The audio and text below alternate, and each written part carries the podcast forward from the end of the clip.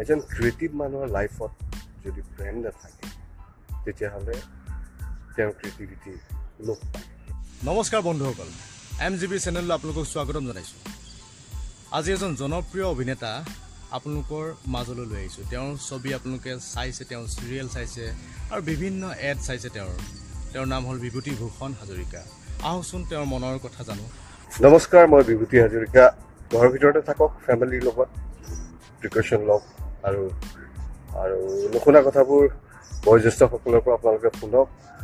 আগতে কেনেকুৱা ধুনীয়া আছিলে এতিয়া কেনেকুৱা হ'লে গোটেইবোৰ সমৃদ্ধ হ'ব আপোনালোকৰ সকলোৰে জীৱন যিটো মই কৰি আছোঁ। লকডাউনৰ সময়খিনি আপুনি কেনেদৰে পাৰ কৰিছে? কিহত ব্যস্ত?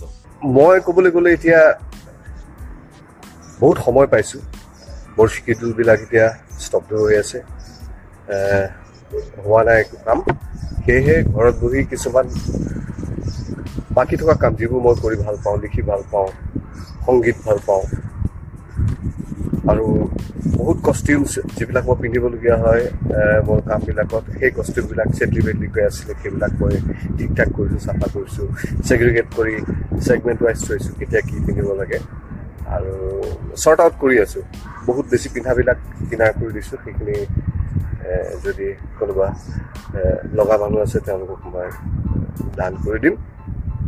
তেনেকেই কটাই আছোঁ আপোনাৰ জন্মস্থান? মই জন্ম হৈছিলোঁ যোৰহাটত। যোৰহাটত জন্ম হৈছিলোঁ। আৰু সৰুকালটো প্ৰায় গৰম বন্ধত মই যোৰহাটতে কটাওঁ বা যিকোনো বন্ধ পালে মই কন্দা কথা কৰি যোৰহাটলৈ গুচি আহোঁ। গাঁৱৰ পৰিৱেশ খুব ভাল লাগে মোৰ মামাহঁতৰ ঘৰখনত খুব ভাল লাগিছিলে। কিন্তু মই ডাঙৰ হৈছোঁ ডিব্ৰুগড়ত দেউতা আহ, ককা দেউতা তেওঁলোকে মানে এই চাকৰি সূত্ৰে ডিব্ৰুগড়ত আছিলে। আৰু সেয়েহে ডিব্ৰুগড়ত মই। ডাঙৰ হৈছোঁ যদি জন্মস্থান যোৰহাট আপোনাৰ প্ৰিয় ৰং? মোৰ প্ৰিয় ৰং হৈছে নীলা আৰু বগা। যিকেইটা মই সদ্যহতে এতিয়া পিন্ধি থকা নাই কিন্তু মোৰ ফেভৰেট কালাৰ বুলি ক'লে নীলা আৰু বগা। আপোনাৰ অভিৰুচি? ক্ৰিকেট মোৰ অভিৰুচি। গান গোৱা মোৰ অভিৰুচি। গান কম্প'জ কৰা মোৰ অভিৰুচি। লিখা মোৰ অভিৰুচি। আৰু যিকেইটা কাম মই এতিয়া কৰি আছোঁ। আপোনাৰ জীৱনৰ এটা স্মৰণীয় ঘটনা অলপ দৰ্শকক ক'লে ভাল পাব। মোৰ স্মৰণীয় ইভেণ্ট বা দিন এটা সুধিছে আপোনালোকে। মই ইয়াতে ক'বলৈ বিচাৰিম যে তেনেকুৱা স্মৰণীয় দিন এটা হৈছে মোৰ দেউতা দুহেজাৰ পোন্ধৰত ঢুকাইছিল। ঢুকোৱাৰ পিছত দেউতাক শ্ৰাদ্ধৰ কাৰণে মই মানুহ মাতিবলৈ যাওঁতে এতিয়া তেখেতৰে অফিচৰ এজন ৰেঞ্জাৰ মিষ্টাৰ আহমেদ তেখেতক মাতিবলৈ যাওঁতে আহমেদে দুটামান কথা মোক কৈছিলে আৰু তেতিয়া মই বুজিছিলোঁ কিছুমান কথা। যে সৰুতে যেতিয়া স্কুলত আছিলোঁ দেউতাই বোলে তেখেতক কয় আহমেদ মটৰচাইকেলখন ওলোৱাচোন আজি ল'ৰাটোৰ স্কুলত কিবা ফাংচন আছে কিনো কৰে চাওঁগৈ তেনেকৈ মনে মনে বোলে দেউতাই মই নজনাকৈ কেইবাবাৰো আমাৰ মই পৰিৱেশন কৰা বা আমাৰ ফাংচন চাবলৈ গৈছে। হয়তো সেইবিলাক মৰম আশীৰ্বাদেই মোক আজি এই ক্ষেত্ৰখনত আহিবলৈ এটা উদগনি দিছে বা আশীৰ্বাদ কৰিছে। প্ৰেমৰ বিষয়ে কি ক'ব? আপোনাৰ জীৱনত প্ৰেম হৈছিল নে? প্ৰেমৰ কথা কৈছে এতিয়া কোন ধৰণৰ প্ৰেমৰ কথা কৈছে সেইটো আপোনালোকে জানিব কিন্তু মই এটা কথা কওঁ এজন ক্ৰিয়েটিভ মানুহৰ লাইফত যদি প্ৰেম নাথাকে তেতিয়াহ'লে তেওঁৰ ক্ৰিয়েটিভিটি লোপ পায়। আৰু ঠিক তেনেকেই মোৰ বিভিন্ন ধৰণৰ প্ৰেম আৰু যিবিলাকক মই ডিফাইন কৰিব নোৱাৰোঁ। আছে। আৰু আপুনি যিটো যিডাল কাৰ আপুনি য'ত মাৰিব বিচাৰিছে সেইটো কথা কৈ দিওঁ হয় মই প্ৰেমজনিত বিবাহেই। আৰু এতিয়া আমাৰ চৌবিছ বছৰ ওচৰা-ওচৰি হ'বলগীয়া বিবাহৰ পিছত।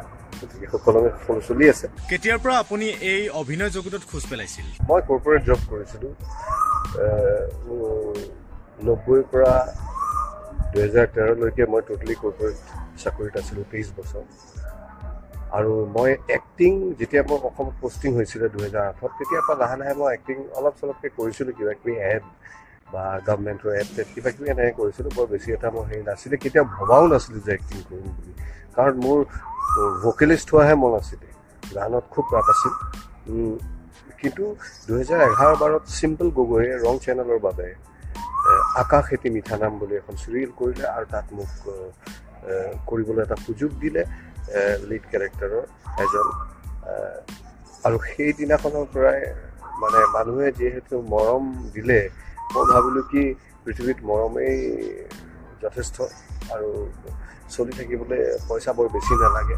আশা আকাংক্ষাবোৰ যদি আমি ধুনীয়াকৈ ৰাখিব পাৰোঁ তেতিয়াহ'লে প্ৰকৃতিৰ লগত মিলি থাকিব পাৰোঁ পঞ্চতত্ব সন্মান কৰি ধুনীয়াকৈ থাকিব পাৰোঁ আৰু সকলো জীৱকে সমজ্ঞান কৰি থাকিব পাৰোঁ যদি আমাৰ আশা আকা- আকাংক্ষাবোৰ কম হয়। ঠিক তেনেকৈ মই নিজকে তৈয়াৰ কৰিলোঁ আৰু সেই দুহেজাৰ বাৰৰ পৰা মই এক্টিঙত ফুল ফ্লেজেডলি লাগি আছোঁ। আপোনাৰ আহিবলগীয়া ছবিৰ বিষয়ে অলপ ক'ব নেকি দৰ্শকক?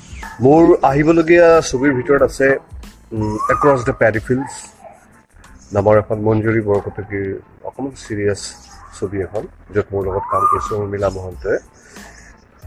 বলিউড ফ্ৰেম তেখেত খুব ভাল এক্টৰ আৰু আৰু এখন আহিবলগীয়া হৈ আছে এতিয়া। কেনি বসুমতাৰী লোকেল কুংফুৰ ফ্ৰেমৰ কেনি বসুমতাৰী সেই টিমটোৰ সৈতে কৰা লোকেল উৎপাত। এই বছৰতে আমাৰ ৰিলিজ দিম এইখন চিনেমা লকডাউনৰ সময়খিনিত নিজকে ফিটনেছ কৰি ৰাখিবলৈ দৰ্শকক কি টিপছ দিব?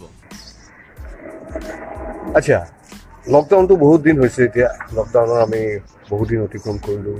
আমাৰ খোজ তোজ কঢ়া মানুহক লগ পোৱা বা ফিটনেছৰ যিবিলাক জিম টিম যোৱা মানুহ আছিল তেওঁলোকৰ ফিটনেছ কেনেকৈ কি কৰিব এতিয়া চাওক এটা কথা হৈছে কি ঘৰৰ ভিতৰত আছে। বেয়া বস্তুবোৰ খাবলৈ পটককৈ সুযোগ পোৱা নাই।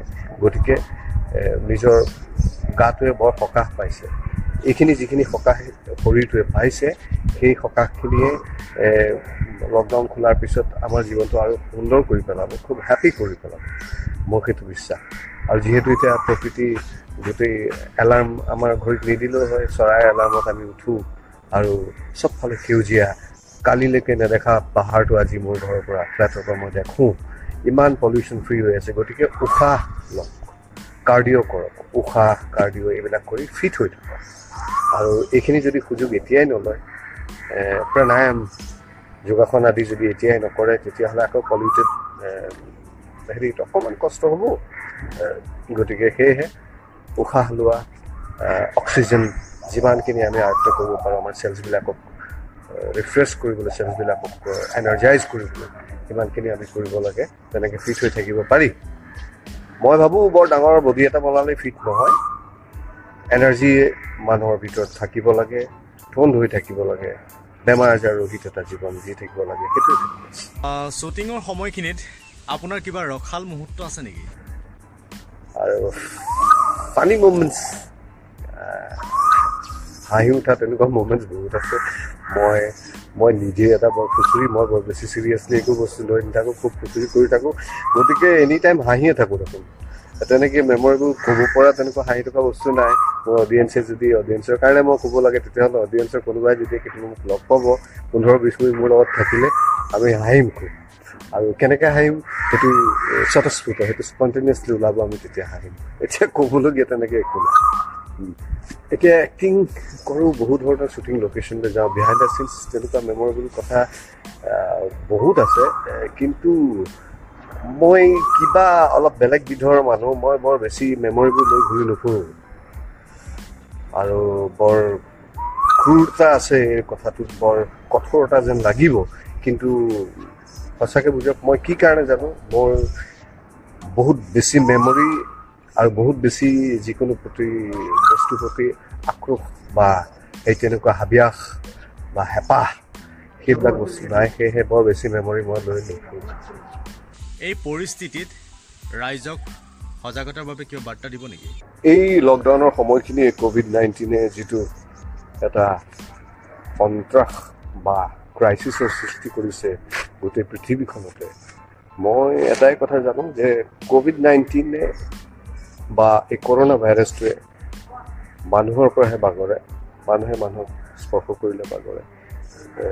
মানুহে ইনফেক্টেড মানুহ এজন ইনফেক্টেড মানুহৰ ওচৰত থিয় হৈ পেলাই কাহ তাহ মাৰিলে বা সি ঠিক তেনেধৰণে সংক্ৰমণ হয়। গতিকে সেই ছ'চিয়েল ডিষ্টেঞ্চিংটো যিটো সামাজিক যিটো দূৰীকৰণটো এই অকণমান দূৰে দূৰে থকা উচিত। যেতিয়ালৈকে ইয়াৰ ভেকচিন এটা তৈয়াৰ হৈ নাযায়। আৰু এনেও আমাৰ অসমীয়া সমাজৰ এটা কথা আছিল আমি এই নামঘৰটো দেখিছোঁ যেতিয়া আমি প্ৰসাদ প্ৰসাদ বিলাওঁ মুখত সদায় এখন কাপোৰ মাৰি বিলাওঁ বা আমাৰ শৌচাগাৰ টৌচাগাৰবোৰ ঘৰৰ পৰা অকণমান পৃথকভাৱে দূৰত আগতে অৱস্থিত হৈ আছিলে। এইবিলাকৰ বহুত ৰিজন আছিলে এইবিলাক আমাৰ পূৰ্বপুৰুষসকলে এনেই কৰা নাছিলে। গতিকে সেই বস্তুবিলাককে এতিয়া আকৌ উনুকিয়াই দিছে। প্ৰকৃতিয়ে নিজৰ ৰূপত। গতিকে আমি সেইবোৰ অকণমান সন্মান কৰিব লাগে তেনেকৈ চলিব লাগে। ছ'চিয়েল ডিষ্টেঞ্চিং মেইনটেইন কৰক আৰু লকডাউন পিৰিয়ডত যিখিনি গভমেণ্টে কথা কৈছে নকৰিবলৈ সেইখিনি আপোনালোকে সকলোৱে মানি চলিবলৈ আমাৰ এই কষ্ট কম হ'ব। সেইটো বুলি মই ভাবোঁ। আপোনাক এম জি পি চেনেলৰ তৰফৰ পৰা বহুত বহুত শুভকামনা জনালোঁ। আৰু শেষত মই এম জি বি চেনেলক শুভেচ্ছা জ্ঞাপন কৰিছোঁ। আৰু সুন্দৰকৈ কাম কৰি যাওক। এই চেনেলটো মানুহে নিজৰ কণ্টেণ্টৰ কাৰণে যিখিনি কণ্টেণ্ট আপোনালোকে দেখুৱাব সেই কণ্টেণ্টৰ কাৰণে আপোনালোকক আঁকোৱালি লওক। আৰু মই আশা কৰোঁ যে কোৱালিটি কণ্টেণ্ট আপোনালোকে সদায় দেখুৱাওক। আৰু মানুহে জানিব বিচাৰে বস্তুবিলাক মানুহে চাই ভাল পায়। তেনেকুৱা কণ্টেণ্ট কৰে। অনাগত দিনত আপুনি আৰু ভাল ভাল কাম কৰক আমাৰ বহুত শুভেচ্ছা আছে। পুনৰ লগ পোৱাৰ প্ৰতিশ্ৰুতিৰে আজিলৈ আৰু ধন্যবাদ। প্ৰিয় দৰ্শকসকল এয়া আছিলে জনপ্ৰিয় অভিনেতা বিভূতিভূষণ হাজৰিকা। আমি প্ৰত্যেক দিনা বিভিন্ন শিল্পী কলা কৌশলী আপোনালোকৰ মাজলৈ লৈ আহিম। গতিকে চাই থাকিব আমাৰ ইউটিউব চেনেলটো লগতে ছাবস্ক্ৰাইব কৰিব আৰু আইকন বেলটো দবাব। ঘৰত থাকক কুশলে থাকক। ধন্যবাদ।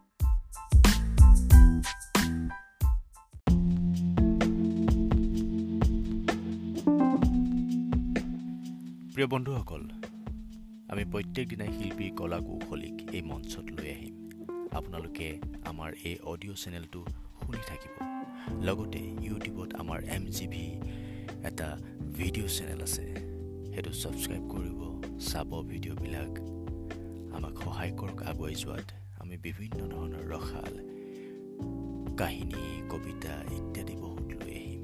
আপোনালোকে আমাক মৰম দিয়ক আশীৰ্বাদ যোৱাত তো বন্ধুসকল আজিলৈ আৰু পুনৰ লগ পাম।